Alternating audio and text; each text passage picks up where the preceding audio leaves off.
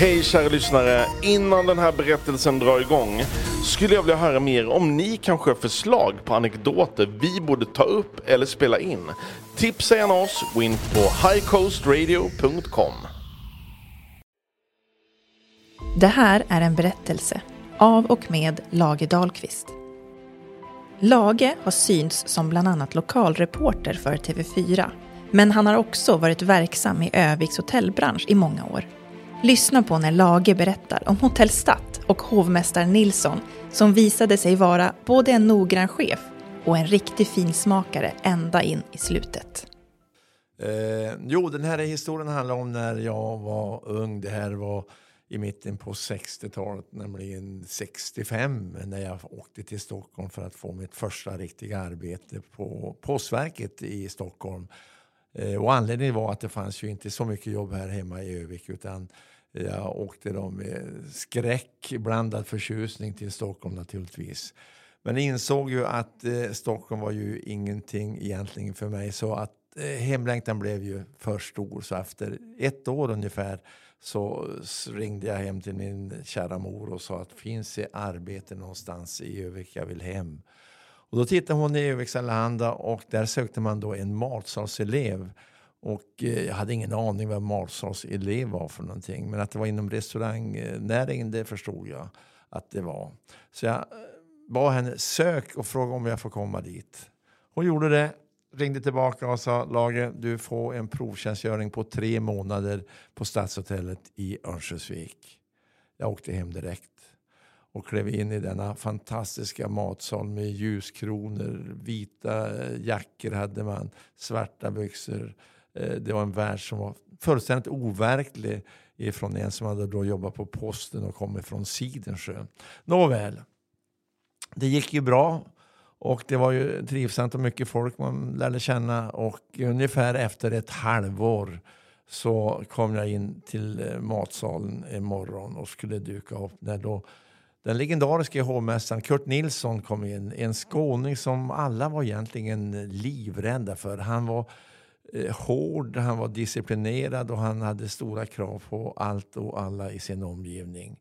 Och så var man lite Beatles-inspirerad så man hade lite hår över eh, kragen. Och det såg ju Nilsson så att han spände ögonen i en och så sa han att eh, gå och klipp dig. Visa dig inte i matsalen pojkfan förrän du har klippt dig, sa han. Ut, ut därifrån!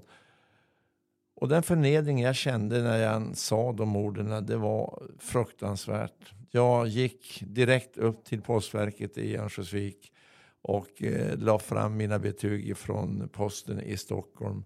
Och de tackade och sa du, du får börja på måndag.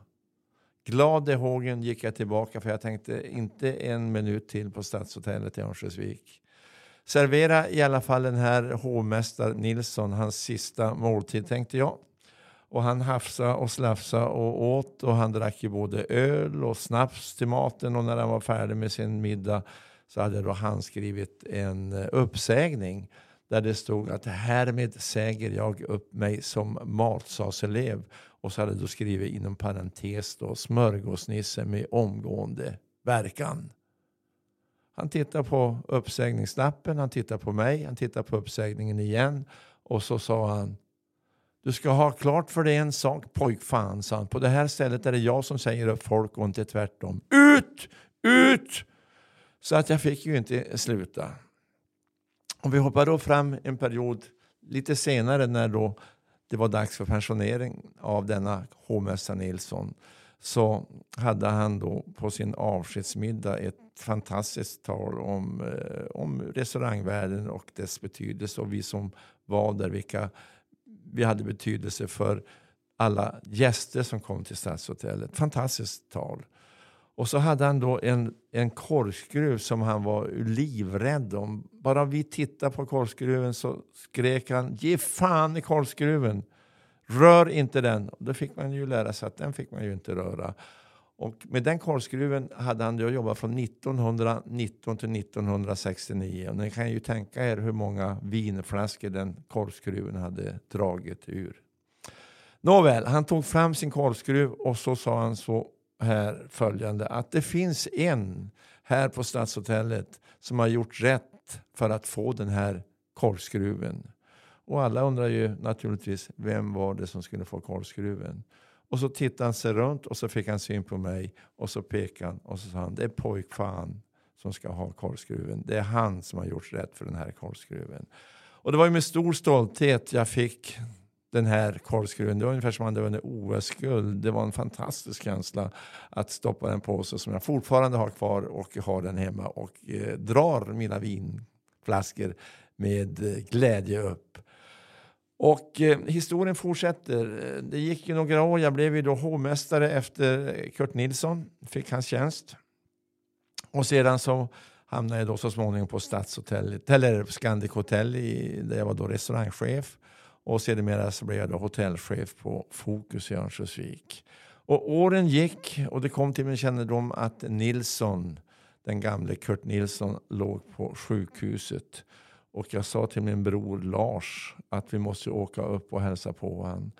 Vi hade vit duk, servetter och så visste vi att han älskade ju rysk kaviar och eh, champagne som vi hade köpt ut och tänkte det ska vi överraska han med. Och när vi kom in så låg han och tittade i taket och såg allmänt trött ut.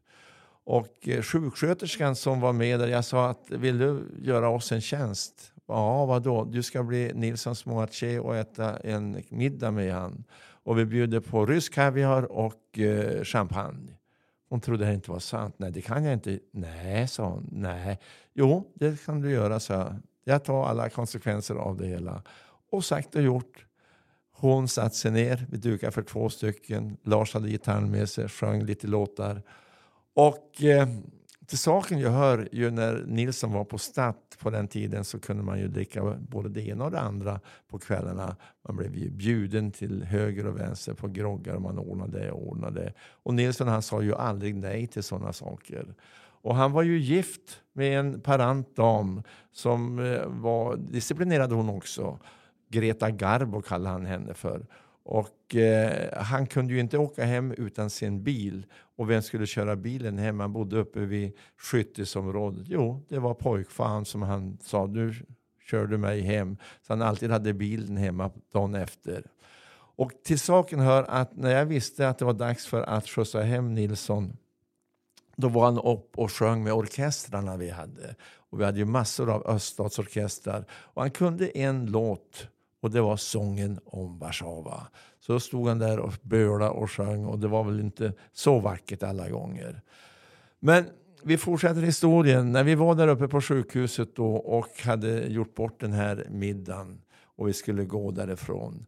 Då sitter hovmästare Nilsson, tittar med lyckliga ögon på sina pojkar Lars och Lage och så sa han, jag tänkte få avsluta denna fantastiska middag med att få sjunga en sång för er. Och då visste jag att det var sången om Warszawa. Och mycket riktigt, han höjde rösten och sjöng sången om Warszawa. Högt och tydligt. Och vi gick ut med varma hjärtan, både Lars och jag. Men det sorgliga var, eller kanske det glädjande var, dagen efter så dog hovmästare Nilsson.